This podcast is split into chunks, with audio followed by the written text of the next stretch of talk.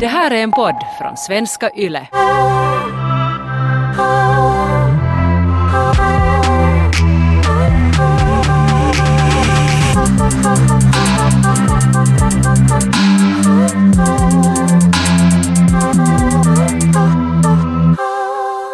Med allt som händer just nu i Amerika och med Black Lives Matter movementen så tyckte vi inte att det kändes rätt att sitta här och pladdra om våra ex idag. Vi ville göra någonting konkret så vi har nu samlat här en lista på saker som vita människor kan göra för att vara bättre allierade. Hoppas att genom att när vi delar med oss vad vi har tänkt på så kan det hjälpa er som lyssnar. De sakerna som uh, vi nu snackar om, så många av dem är tagna från Julia Thuréns artikel från Ruska Tytöts sidor um, där hon har intervjuat feministen Fatima Hussein och konstnären och forskaren Camille Auer.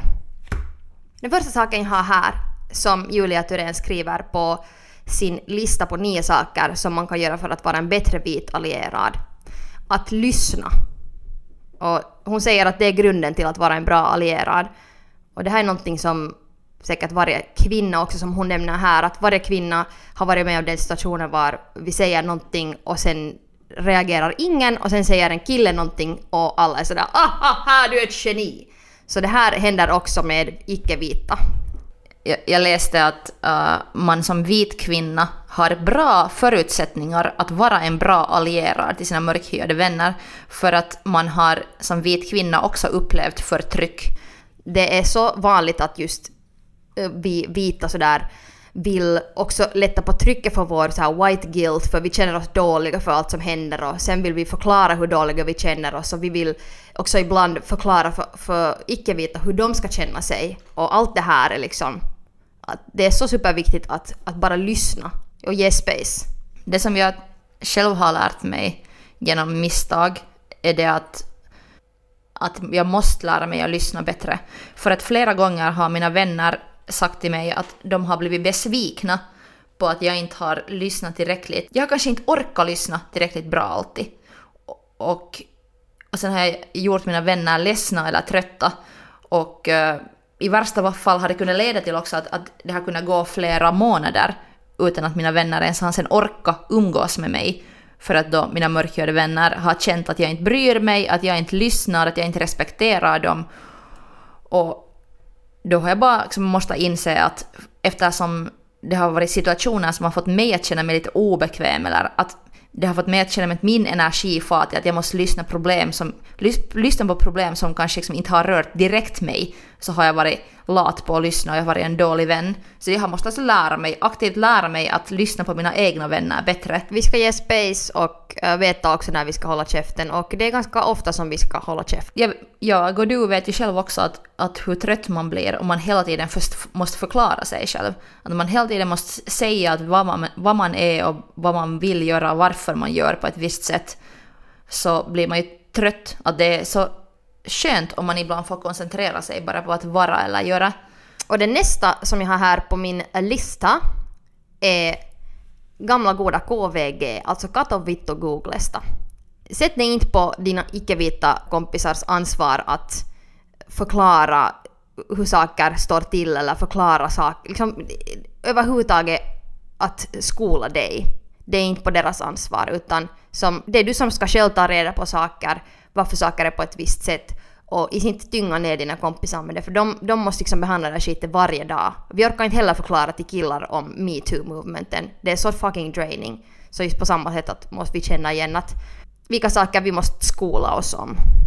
Jag hamnade en gång i en sån situation att min kompis som är en vit kvinna så hon frågade mig sådär att, att varför är det inte okej okay för mig att klä ut mig till en mörkhyad person. Att inte, inte skulle jag bli arg om någon mörkhyad skulle klä sig till en vit person. Obviously inte. För hon, hon tyckte verkligen att det var en diskussion som, som hon har rätt att ha. Att hon hade rätt att fråga mig, men hon hade också rätt att fråga mörkhyade människor. Så där, varför? Att, inte bli, att, att det här är en viktig diskussion. Och det är liksom, och då, då, måste jag bara säga till henne sådär snälla att det här är någonting som du måste googla, du måste nu ta ansvaret att informera dig själv bättre och lära dig om historia och varför det här är inte okej. Okay. KVG, Katowice googlas men också sådär utbilda dig, läs kolla på dokumentärer, ta reda på att om du lever i en sån bu bubbla var det bara finns vita människor och på något sätt du ser allt från en vit, vit synvinkel så du måste bredda din synvinkel. Det här leder mig perfekt till nästa poäng som är behandla din vithet. Och det är då det liksom att, att, att lära sig att betrakta och acceptera det privilegium som man har som en vit människa.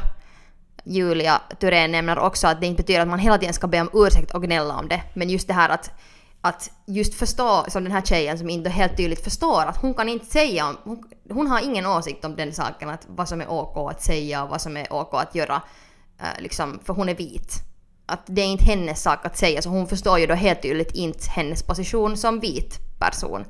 Så det är jätteviktigt att förstå själv så här, alla har ju något privilegium, liksom sådär att är det sen ekonomisk status eller att du har alla, alla armar och ben eller att du, du uh, är cis-hetero eller whatever. Men just sådär att du vet just med vithet att vilka privilegium det ger dig, på vilket sätt gynnar det dig, att du fattar det. För att jag tror att det är liksom det är ju en, en nyckel till så många saker. Om du inte förstår det så då är det inte så konstigt att du inte förstår en massa andra saker heller. Det som har varit tröttsamt nu att se under de här veckorna är att hur många vuxna vita människor har postat grejer som att jag har också det svårt. Eller att Ja, det här är inte en tävling om vem som har det sämst, liksom. det är det som är poängen. Och just det, att varför kallar du mig privilegierad när jag också har haft svårt, jag har varit deprimerad, jag har gått igenom en massa grejer, jag har massa vita kompisar som har det svårt. Att det där är, så, det, där är det mest ignoranta också man kan göra. Att såklart alla har det svårt, men om du är ljushyad så har du det mycket lättare för att den hudfärgen ger dig så mycket privilegium. Du behöver inte tänka på massa grejer om du är vit. Och det betyder inte att du inte har andra motgångar i ditt liv. Det betyder inte att det finns någonting annat eller att du inte skulle ha det svårt eller tungt ibland. Men du har inte, du har inte svårt på grund av din hudfärg. Jag började lyssna på en sån podcast som heter Raseriet för mm. må många år sedan. Det är en podcast som görs av kusinerna Ami Brammesei och Fanna Norby. Och Ami Brammesei är faktiskt Seinabo Seis stora syster. De började göra en sån här podcast Raseriet för flera år sedan eftersom de var så trötta på att det hände så många rasistiska grejer i Sverige varje vecka. Så de började de göra en podd där de varje vecka tog upp så rasistiska grejer. Men jag började lyssna på den här podden för att lära mig. För jag minns att, att jag visste inte alls tillräckligt eller kunde, kunde se ju nyheter och några rubriker men visste inte alltid riktigt vad jag skulle tänka. Eller att, hur jag skulle läsa de här nyheterna för jag såg dem bara från min egna erfarenhet och såg dem bara från min vita synvinkel.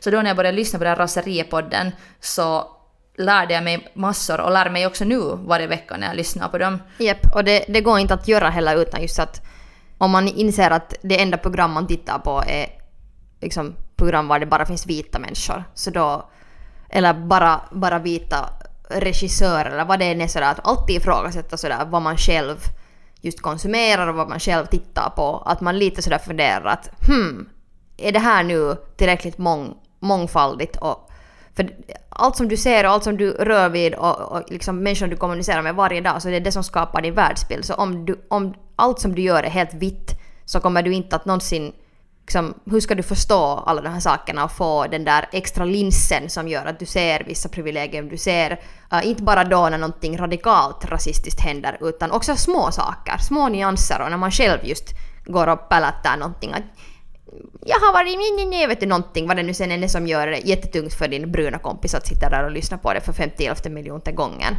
Jag har för några år sedan jobbat i mediebranschen, jag jobbade i, för så här kvinnotidningar och modetidningar.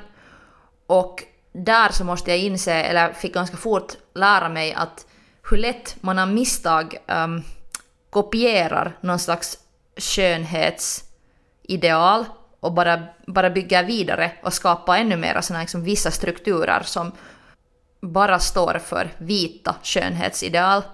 Så i något skede så märkte jag att jag ritar bara smala vita tjejer att på något sätt hade det där skönhetsidealet som jag trodde att jag kunde läsa kritiskt när jag läste tidningar. Att jag kunde liksom själv säga att ah, det finns bara vita människor i den här tidningen eller i den här filmen. Men sen plötsligt hade det kommit så in i mig så att sen när jag gjorde illustrationer så ritade jag bara smala vita modeller.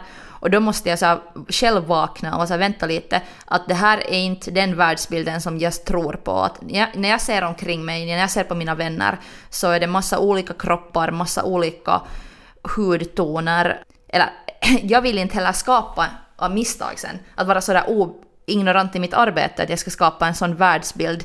För då verkar det som att jag bara ser vita människor. Ja, och det, det blir liksom en sådär att det finns en default sådär människotyp och den är smal och vit och sådär så har det ju varit jättelänge nu. Eh, det här är en kommentar av Mariko Niemi som är specialiserad på politisk historia. Ehm, hon säger så här att tänk i förväg på hur du vill reagera i en situation där diskriminering uppstår. Och det här tyckte jag var jätteintressant för jag, har, jag behöver inte tänka på rasism varje dag för att jag är vit. Så om det plötsligt händer någonting, någon blir diskriminerad, så i stunden så kan man bli jätteförvirrad, du kan till och med bli, du blir panikerad, du vågar inte kanske göra någonting, du blir så här, du fryser och du vet inte hur du ska reagera. Så jag tycker det här är en jättebra point att om man tänker så här i förväg lite, att hur, skulle jag, hur gör jag i en situation var, var någonting sånt här händer? Så hur vill jag reagera? Och sen är du liksom färdigt förberedd så är du inte i den situationen var det händer någonting och du sitter tyst bredvid och gör ingenting. Har du haft många situationer var det har hänt någonting sånt och du har liksom du har inte reagerat som du skulle ha velat reagera. Du har typ inte Ida säger någonting eller du har blivit obekväm eller du har sagt något dumt. Ett par situationer som har varit så att, att någonting fast i musikbranschen i Finland som har hänt som har varit, varit rasistiskt. Och sen har mina kompisar som har varit mörkhyade eller svarta, att de, de har varit de enda som har känt att de har tagit de har reagerat fast på Facebook eller sociala medier. Så sen senare har jag blivit call-outad för det. Att, att varför, hjälpt, varför stod du inte med oss? Varför var du inte solidarisk med oss? Och eh, då har jag måste inse att, att och det har tagit för mig ganska länge att på något sätt inse det här, är att, att jag måste lära mig att reagera också på sociala medier till sådana här situationer. För jag, jag försökte någon gång för länge sedan vara sådär att men att jag är inte så puta, potatis. Va? Jag är inte så politisk. Just lika bullshit. Att jag är inte, jag är inte, jag är inte, så, jag är inte så politisk på sociala medier och jag är inte så, jag är inte så bra på att reagera någonstans på Facebook och jag kan inte så bra liksom gå diskutera där. Men nu har jag bara insett att det är ingen ursäkt. Jag måste lära mig. Jag måste lära mig att såklart det är liksom inte enda sättet. Social media är liksom inte, inte enda sättet som du kan visa stöd. Och det ska inte heller bara vara så att allting som vi gör är så här performativt.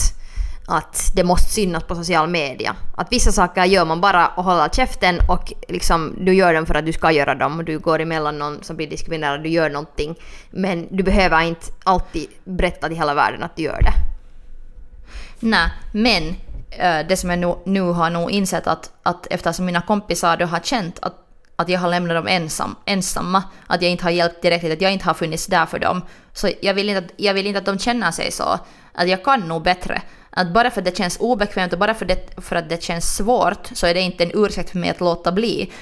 Göra det som känns svårt, alltså då ta ställning och lära mig att skriva grejer på Facebook och vad fan. Att jag liksom måste ta reda på olika sätt att uttrycka mig och stödja mina kompisar. När som helst som, som man som vit människa känner sådär att herregud det här känns så tungt och hemskt så vi behöver inte tänka på de här sakerna hela tiden, så vi har liksom ingenting att säga där med att någonting känns sådär tungt och hemskt sådär att våra icke-vita vänner måste...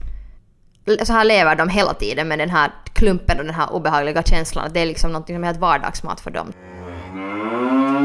Det är okej okay att också liksom lära sig, bara man då ber om ursäkt och säger att jag ska göra bättre nästa gång. Men att jag har ett par kompisar som jag nu har lärt mig att lyssna bättre på och de är sådana som jag då trodde att var hemskt bra på att ta ställning på till exempel Facebook. Jag bara hade tänkt sådär, okej okay, de där är bra på att göra det där så de gör det så mycket. Att de, de tar ställning till rasistiska frågor just via social media och skriver långa inlägg och tar ställning och vad heter det, har en diskussion med människor på social media för att lära dem bättre. No anyways, jag trodde att, att ah, okay, det här är någonting som de bara kan. Men det är inte så, utan de har inte haft ett val. De har sett och upplevt att situationer har varit orättvisa och rasistiska och de har varit så att jag måste säga någonting om det här. Och sen just mina kompisar, kompisar har sagt till mig så att inte det är alls lätt för dem, att det är jättetungt för dem, det är skrämmande, de är rädda för att bli stämplade som svåra eller dramatiska personer, de är rädda för att de inte ska få vissa jobb på grund av att, att de tar ställning. Och det här, här är någonting som har varit en wake-up call till mig, att det är inte sådär att någon är bra på att ta ställning och någon är dålig, utan det är bara att, att vissa undviker det ansvaret mer än andra. Och jag hade själv också undvikit det ansvaret för att det har känts sådär att, ja, men att jag är inte så duktig, duktig på det här. Men det som sen jag också funderar på hemskt mycket är alltid att, som, som du också sa, att det inte får bli performativt. Det får inte vara så att man postar bara hashtags på Instagram, utan just sådär, hur kan du i ditt arbete och ditt liv aktivt skapa antirasistisk antirasistiskt innehåll och bidra till att bryta ner rasistiska strukturer. Det här för mig perfekt till min sista poäng som uh, den här Julia Thyrén också skriver i den här uh, artikeln och det är det att ditt nya mantra som vi nu vita ska ha är att, att du är inte en hjälte. Alltså vi ska inte, vi ska inte liksom... Det handlar inte om oss. Det handlar inte överhuvudtaget om oss utan det handlar om att stödja och hjälpa. Så det, det är liksom jätteviktigt att komma ihåg att det är inte vi som ska nu savea situationen, det är inte vi som ska berätta för våra bruna kompisar hur fina eh, grejer vi har gjort när någon har blivit diskriminerad och vi har gått däremellan. Det är liksom inte, handlar inte om eh, oss överhuvudtaget. Det här sa Billie Eilish också jättebra på Instagram sådär att bitch, det handlar inte om dig och det är jätteviktigt för människor att komma ihåg att när du tycker, no, just den här tjejen som du nämnde där tidigare, att som säger att jag, jag tycker inte, varför får jag inte klä ut mig till mörkhyad eller vad hon nu sa, varför får jag inte göra blackface? Så där, du har ingen aning om någonting så du ska hålla käften, sitta ner och lyssna och lära. Och hennes argument var ju det där att hon, hon blir inte ledsen om en mörkhyad klär sig till vit. Så varför blir en mörkhyad ledsen? Ja, exakt. ja, ja. Och du, du kan inte bestämma vad man får bli ledsen av liksom. Att... Ja, och oberoende om du skulle bli ledsen, du har inte i alla fall det, liksom Voj, voj, då har du, måste du perspekt få perspektiv på vad du blir ledsen över när du liksom inte... Din, eh, ditt liv påverkas inte av det, du blir liksom inte... Jag menar, det är så otroligt idiotiskt att jag... Jag har också en släkting som postar, postar idag, idag på sociala medier att All lives matter! Orkar inte. Men kanske summa summarum alla de här poängerna, och det här är ju bara några grejer nu, vi kan ju såklart inte få in alla saker som man kan göra för att vara en bra vit allierad, så det fortfarande tillbaks till uh, punkten KVG, alltså kato och Googlesta, gå och educate dig själv. Men just som så summa summarum att vi, vi, vi måste lyssna, vi måste, vi måste uh, vara alerta och uh, inte tvinga våra icke-vita kompisar att lära oss det. Det är jättetungt för dem, det är jättetungt för dem att måste hela tiden liksom hålla oss i handen. Det är okej att lyfta fram grejer som är rasistisk, rasistiska problem utan att börja berätta om hur svårt du själv också har haft det. Att ibland är det just det som man måste göra, att sätta sin ego åt sidan och bara lyssna på andra och hjälpa andra. Och behandla dina icke-vita vänner helt på samma sätt som dina vita vänner, liksom att, att det inte finns någon skillnad där. Och um, vi sätter upp alla de här grejerna som vi har snackat om sätter vi på vår Instagram. Och, och så kan ni gå och lyssna och läsa igenom alla de här grejerna i detalj så som också den här uh, Julia har skrivit på riktigt. Så gå och läs dem och, uh, och så postar vi lite andra grejer som ni också kan gå, gå och göra och donera pengar och hjälp med konkreta saker. Och om en endaste människa skickar en fucking kedja till mig på så här, de här tio människorna bryter inte den här kedjan så får jag, får jag fel i huvudet fucking ta taggande kommer inte att hjälpa någon jävel. Ja, eller kanske man får en känsla av att vi är alla i det här tillsammans, vilket kan vara helt nice, men det är inte så konkret. Att tänk mer sådär att vad kan du göra som en konkret antirasistisk handling? Fundera, nu är liksom nu när vi alla har delat... Ja, nu, som när, verkligen hjälper. Ja, att nu när vi alla har delat våra posts på Instagram, så vad gör ja. vi nu? Hur, hur jobbar vi vidare liksom varje dag? Och jag tror också att en sak som kan vara ganska viktig att tänka på när man postar på sociala medier just nu och vill liksom stödja, är att tänka efter sådär att, att vad liksom... Vem gynnar nu den här uppdateringen eller den här bilden? Till exempel också att, att posta jätte våldsamma bilder på just till exempel den här incidenten, den här um, George Floyd som blev mördad. Så om vi postar den där bilden så det vara jättetungt för många att se det där. Att liksom tänka efter lite sådär allt som vi postar, för vem gör vi det och hjälper det här verkligen någon? Och är det här liksom någonting som behöver ha en trigger warning eller så här att respektera också det att det är för jättemånga liksom icke-vita jättetungt att se de här grejerna. Någon som vit bara postar en bild på någon som blir mördad så det är inte lika hemskt för oss att se som för någon svart i Amerika eller så. Det kan vara liksom jättetungt. Tusen tack Taika. Tack Ronja. Och kom ihåg att...